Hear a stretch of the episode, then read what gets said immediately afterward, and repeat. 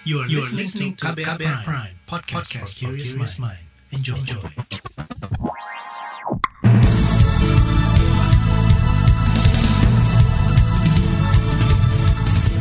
Disiarkan langsung dari KBR Jakarta inilah Buletin Pagi edisi hari ini 7 April 2021.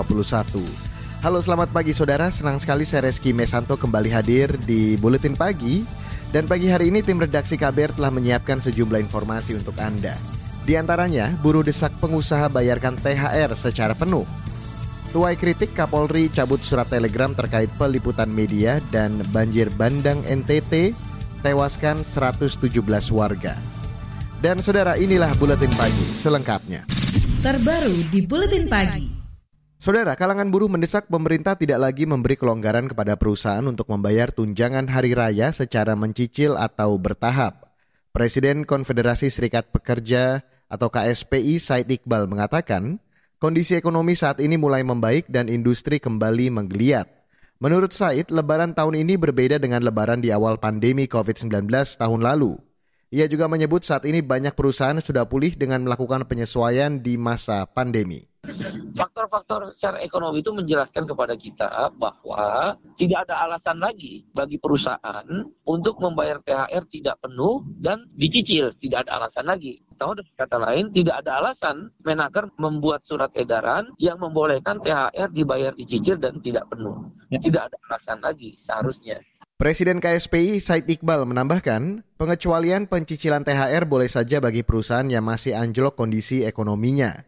Namun hal itu harus dibicarakan dengan serikat pekerja, disertai bukti laporan pembukuan perusahaan yang rugi dalam dua tahun terakhir. Iqbal juga meminta pelonggaran tidak dijadikan alat bagi perusahaan berdalih tak mampu membayar penuh THR dan dicicil. Sementara itu menanggapi permintaan buruh, Asosiasi Pengusaha Indonesia atau APindo mengusulkan tiga mekanisme pembayaran tunjangan hari raya atau THR tahun ini.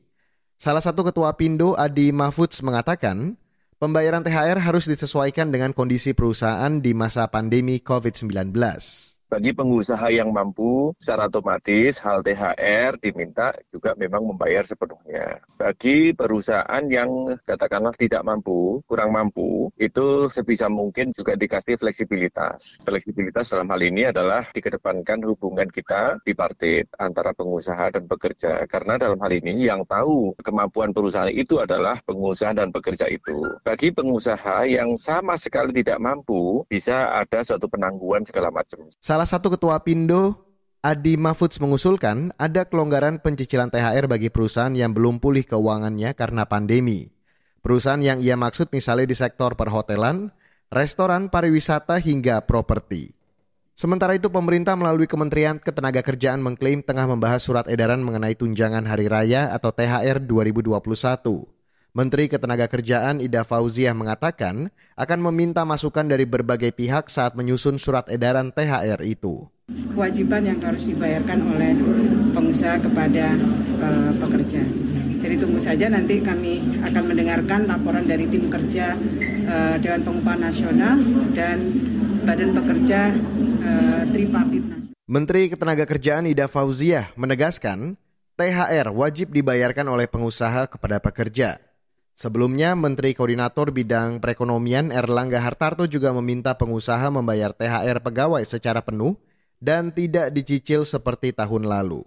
Erlangga beralasan pemerintah sudah memberikan stimulus kepada pengusaha, termasuk program vaksinasi untuk mengatasi dampak COVID-19. Saudara, Komisi DPR Bidang Ketenagakerjaan meminta pemerintah melarang pembayaran THR secara dicicil seperti di 2020 lalu.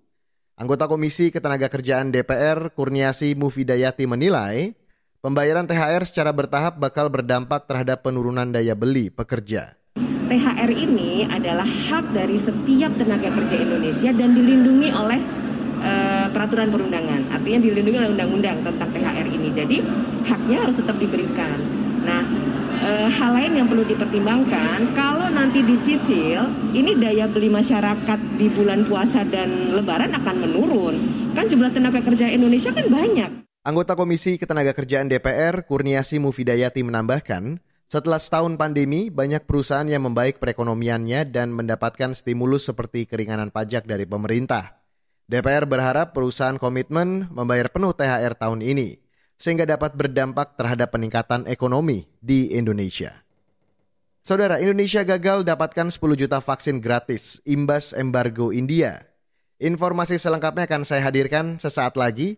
Tetaplah di Buletin Pagi KBR. You're listening to KBR Pride, podcast for curious mind. Enjoy!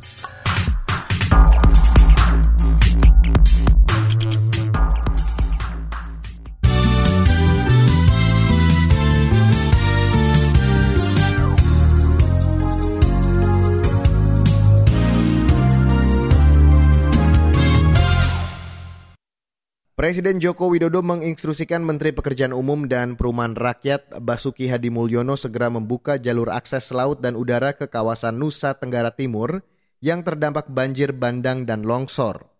Pembukaan akses itu sangat penting agar pengiriman logistik dan upaya pencarian korban bisa lebih cepat. Untuk melancarkan proses evakuasi, pencarian, dan penyelamatan korban, saya minta pada juga Menteri PUPR untuk mengerahkan alat-alat berat dari berbagai tempat dan jika jalur darat masih sulit ditembus, saya juga minta agar dipercepat pembukaan akses melalui laut maupun udara. Presiden Jokowi juga meminta Kementerian PUPR segera mengerahkan alat berat dari berbagai daerah untuk membantu evakuasi pencarian korban.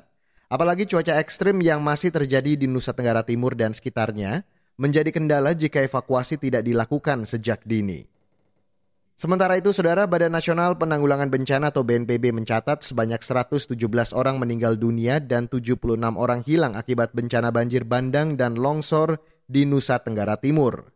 Kepala BNPB Doni Monardo mengatakan, banyak kendala saat proses pencarian korban seperti minimnya alat berat serta cuaca buruk. Masih terkendala karena uh, alat berat yang ada walaupun sudah disiapkan tetapi belum bisa di uh, kirim ke uh, tujuan, terutama di Adonara dan juga uh, di uh, Alor. Sedangkan di Lembata masih diupayakan sejumlah perusahaan yang sedang mengerjakan pekerjaan jalan untuk dikerahkan, dimobilisasi menuju ke sasaran. Kepala BNPB Doni Monardo juga memastikan logistik dari Jakarta, Surabaya, dan Makassar tiba di NTT dan telah didistribusikan ke daerah terdampak banjir bandang dan tanah longsor.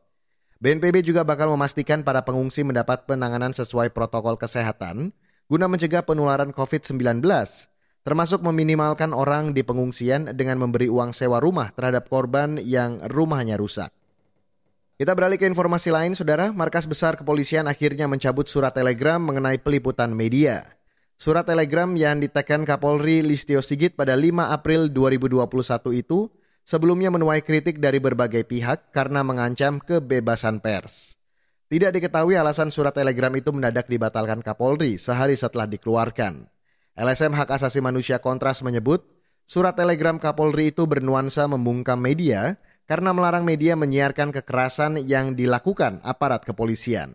Nah, kelak kalau misalkan polisi berdalih ini untuk internal Polri atau medianya Polri, ya memang ada selama ini medianya Polri yang menyampaikan brutalitas aparat, kan nggak ada juga gitu. Maka dari itu surat telegram ini seolah-olah dibuat bias untuk e, membungkam media bekerja Wakil Koordinator Kontras Rifanli Anandar mendorong Polri mereformasi struktural mereka daripada membatasi kerja-kerja media. Selain dari Kontras, surat telegram Polri itu sebelumnya juga dipertanyakan Dewan Pers dan organisasi profesi seperti Aliansi Jurnalis Independen atau AJI Indonesia. Kita beralih ke berita ekonomi, Saudara. Pemerintah meyakini perekonomian Indonesia tahun ini tumbuh di atas 4 persen. Wakil Presiden Maruf Amin mengatakan, Pertumbuhan ekonomi Indonesia di tahun ini tak lepas dari program vaksinasi dan pemulihan ekonomi nasional. Maruf menyebut lembaga keuangan seperti IMF dan Bank Dunia juga menyebut ekonomi Indonesia akan tumbuh antara 4,4 persen sampai 4,9 persen. Angka-angka ini sejalan dengan perkiraan pemerintah bahwa ekonomi akan pulih dan tumbuh mulai tahun 2021 sebesar 4,5 sampai 5,3 persen. Oleh karenanya dunia usaha dapat memanfaatkan momentum pertumbuhan ini dengan sebaik-baiknya. Wakil Presiden Maruf Amin meyakini stimulus fiskal melalui program pemulihan ekonomi nasional atau PEN dan investasi bakal mempercepat pemulihan ekonomi. Selain itu, penurunan kasus COVID-19 beberapa bulan terakhir turut meningkatkan konsumsi masyarakat. Tahun lalu, perekonomian Indonesia turun di angka minus 2 persen. Beralih ke mancanegara, saudara, Perhimpunan Negara-Negara di Asia Tenggara atau ASEAN akan mengadakan pertemuan khusus membahas krisis di Myanmar. Mengutip Reuters, Ketua ASEAN Brunei Darussalam menyerukan pertemuan pemimpin ASEAN itu digelar di Jakarta, Indonesia. Rencana itu muncul setelah pertemuan antara Perdana Menteri Malaysia Muhyiddin Yassin dan Sultan Brunei Darussalam Hassanal Bolkiah Senin kemarin. Sebelumnya Indonesia juga telah memimpin upaya anggota ASEAN mendorong solusi atas masalah di Myanmar. China dan Rusia bahkan mendukung inisiatif Presiden Indonesia Joko Widodo menggelar konferensi tingkat tinggi atau KTT ASEAN menyoal krisis politik yang terjadi di Myanmar. Beralih ke informasi olahraga, saudara, Korea Utara dilaporkan tidak mengikuti Olimpiade Tokyo 2020 lantaran khawatir atlet mereka terkena virus corona jenis baru. Mengutip Reuters, keputusan tersebut diambil setelah Komite Olimpiade Korea Utara mengadakan rapat virtual dengan anggota komite dan pengurus induk olahraga akhir Maret lalu. Dan jika kabar itu benar, maka Korea Utara bakal absen di Olimpiade untuk pertama kalinya sejak negara itu memboikot Olimpiade 1984 di Los Angeles dan Olimpiade 1988 di Seoul. Olimpiade 2020 bakal digelar pada akhir Juli hingga awal Agustus mendatang. Saudara, liputan KAS KBR mengenai pro kontra pemerintah mengizinkan salat tarawih berjamaah di masa pandemi akan kami hadirkan sesaat lagi. Tetaplah di Buletin Pagi KBR. You're listening to KBR Pride, podcast for curious mind. Enjoy!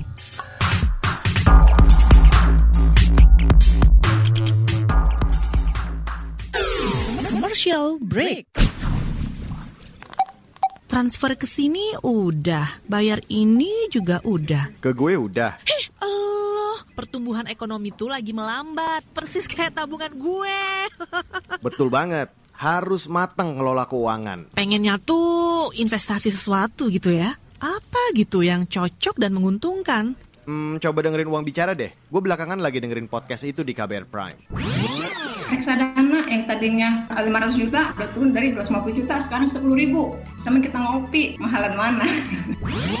Ketika itu ada keputusan yang kayak begitu, investor harus tahu gitu, oh ada keputusan ini berarti implikasinya apa?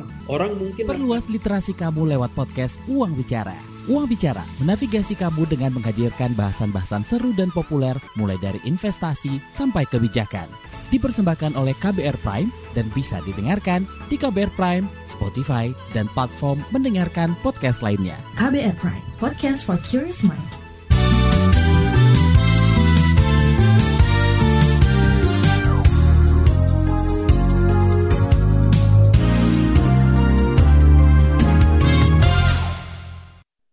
Saudara, pemerintah resmi mengizinkan pelaksanaan sholat raweh di masjid tahun ini di tengah kondisi pandemi COVID-19. Pemberian izin menjalankan sholat raweh ini mendapat respon beragam, ada yang sepakat, ada pula yang menolak. Bagaimana para jamaah dan pengurus masjid memaknainya? Berikut saya hadirkan laporan khas KBR yang disusun oleh Mutia Kusuma Wardani. Pemerintah melalui Menteri Koordinator Bidang Pembangunan Manusia dan Kebudayaan atau PMK Muhajir Effendi resmi mengizinkan sholat tarawih dan id di masjid. Alasannya karena kasus aktif COVID-19 diklaim sudah menurun. Yang harus dipatuhi adalah protokol harus tetap protokol kesehatan harus dilaksanakan dengan sangat ketat. Kemudian jamaahnya boleh di luar rumah, tapi dengan catatan harus terbatas pada komunitas. Jadi di lingkup komunitas di mana para jamaahnya memang sudah dikenali satu sama lain, sehingga jamaah di, dari luar mohon supaya tidak diizinkan. Kendati membolehkan pelaksanaan sholat tarawih dan id di masjid, pemerintah mewanti-wanti agar pelaksanaan sholat ibadah di bulan Ramadan itu harus dengan mekanisme kondisi darurat COVID-19. Semisal diatur agar tidak berlama-lama dan para jamaah tetap bisa menjaga jarak, terutama saat para jamaah bubar usai sholat dilaksanakan. Anjuran mengenai sholat tarawih dan id itu berbeda dengan PP Muhammadiyah. Dalam surat edaran tertulisnya, PP Muhammadiyah mengimbau agar pelaksanaan sholat tarawih dan idul fitri dilaksanakan di rumah bersama keluarga. PP Muhammadiyah beralasan aturan itu diteken demi menghindari diri dari penularan virus COVID-19. Keputusan pemerintah membolehkan sholat tarawih dan id itu menuai keraguan-raguan oleh ahli kesehatan masyarakat. Dewan Pakar Ikatan Ahli Kesehatan Masyarakat Indonesia Hermawan Saputra berpendapat penurunan kasus aktif dianggap semu lantaran imbas dari penurunan jumlah testing. Dia menilai saat ini kasus COVID-19 di Indonesia belum memasuki puncaknya dan kekebalan kelompok dari vaksin juga belum tercapai. Jadi sholat tarawih itu biasanya sholat atau ibadah saat Ramadan yang paling ramai dan paling padat. Nah di situlah potensi yang harus dibawa. Sebenarnya sholat tarawih itu lebih baik saat seperti ini, ini dilaksanakan masing-masing di rumah. Jadi kita sangat menghimbau masyarakat agar sholat tarawih, khususnya sholat tarawih ini sunnah. Dan Rasul sendiri Nabi Muhammad SAW mencontohkan sholat tarawih itu lebih banyak di rumah ketimbang di masjid. Nah suasana pandemi COVID seperti ini sebisa mungkin agar sholat tarawih karena hukumnya sunnah itu di rumah saja agar mencegah atau menghindari potensi penyebaran COVID. Di sisi lain, pengurus masjid di salah satu daerah Buleleng, Bali menyambut baik keputusan pemerintah yang membolehkan sholat tarawih dan id di masjid. Meskipun Buleleng masih berstatus zona merah COVID-19, masjid itu masih melaksanakan sholat jamaah untuk ibadah wajib maupun sunnah. Pengurus Masjid Baitur Rahman Bali, Rozak beralasan, dukungan atas keputusan pemerintah itu lantaran dia meyakini bahwa tarawih yang dilaksanakan berjamaah hukumnya sunnah. Tidak, tidak ada. Malah menurun. Karena kita di sini punya aturan. Kalau yang tua, yang tua-tua ya kita kalau bisa janganlah ke masjid, cukup di rumah saja. Terus yang pilek atau yang daerah badan, saya ya kita sarankan supaya sholat di rumah saja. Ah, kalau taraweh itu biasanya orang lokal aja, orang di kampung kita aja.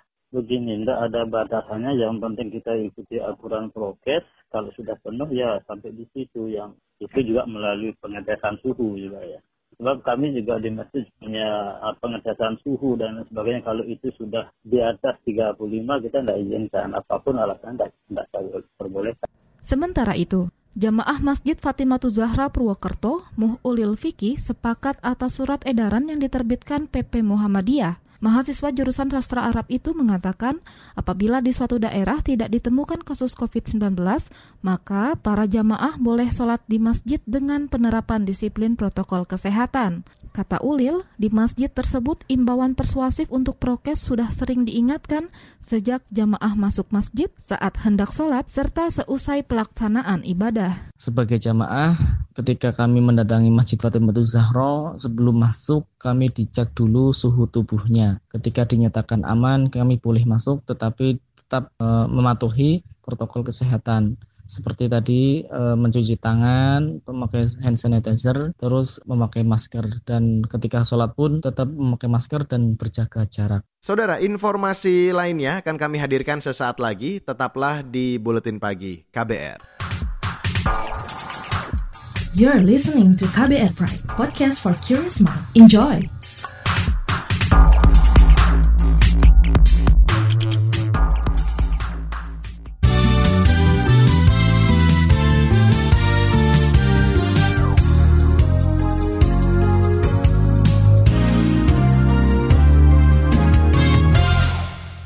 Terima kasih Anda masih bergabung di Buletin Pagi hari ini dan inilah bagian akhir dari Buletin Pagi. Kita update informasi seputar COVID-19. Saudara Indonesia diperkirakan bakal kesulitan melakukan vaksinasi COVID-19 selama April. Menteri Kesehatan Budi Gunadi Sadikin mengatakan, Indonesia bakal mendapatkan 10 juta dosis vaksin AstraZeneca gratis dari kerjasama dengan Aliansi Global untuk Vaksin dan Imunisasi atau GAVI. Dari 11,7 juta vaksin yang dijanjikan Gavi, Indonesia diperkirakan hanya mendapat 1,3 juta dosis atau sekitar 10 persen saja. Gara-gara ada lonjakan lonjakan uh, kasus di India, India embargo vaksinnya. Sehingga kita kehilangan 10 juta dosis yang harusnya kita peroleh dari kerjasama dengan Gavi, WHO yang gratis ya. Itu kita tadi rencana dapat 11,7 juta, sekarang kita dapatnya hanya 1,3 atau 1,4 juta. Kemudian sisanya berhenti. Menteri Kesehatan Budi Gunadi Sadikin mengatakan pemerintah berencana meningkatkan produksi vaksin COVID-19 oleh PT Bio Farma pada Mei mendatang sehingga bisa meningkatkan laju vaksinasi.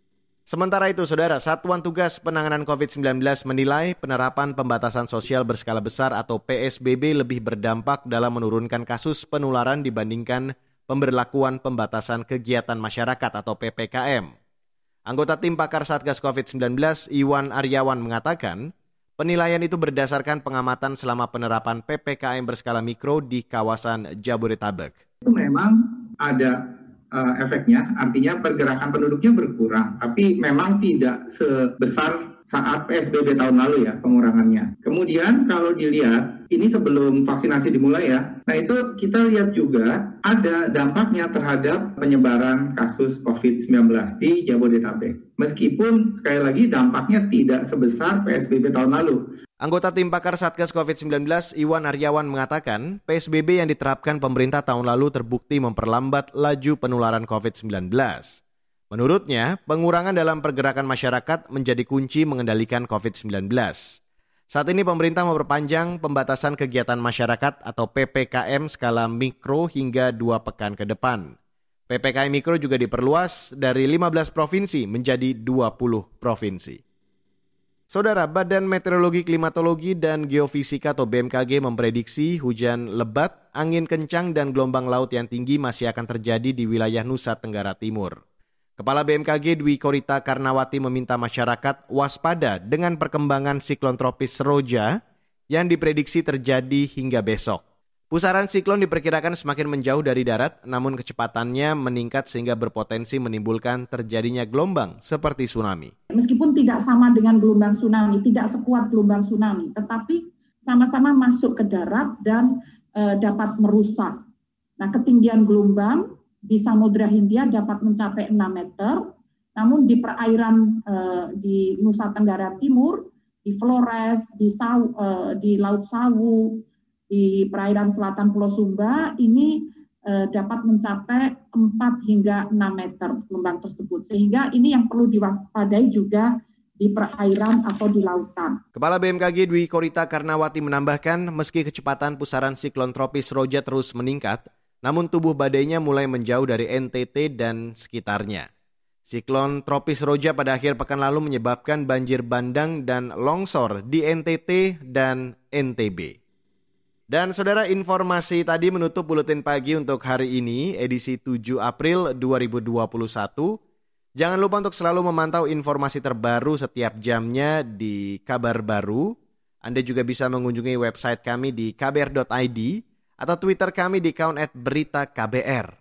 Serta jangan lupa untuk Anda yang tertinggal siaran buletin pagi ataupun KBR sore, anda kembali bisa mendengarkannya di KBR Prime, Spotify, atau platform mendengarkan podcast lainnya. Tetap patuhi protokol kesehatan di mana pun Anda berada, melakukan 5M, menggunakan masker, menjaga jarak, mencuci tangan dengan sabun, menghindari kerumunan, serta mengurangi mobilitas. Akhirnya, saya Reski Mesanto mewakili tim redaksi yang bertugas pagi hari ini. Kami undur diri. Salam.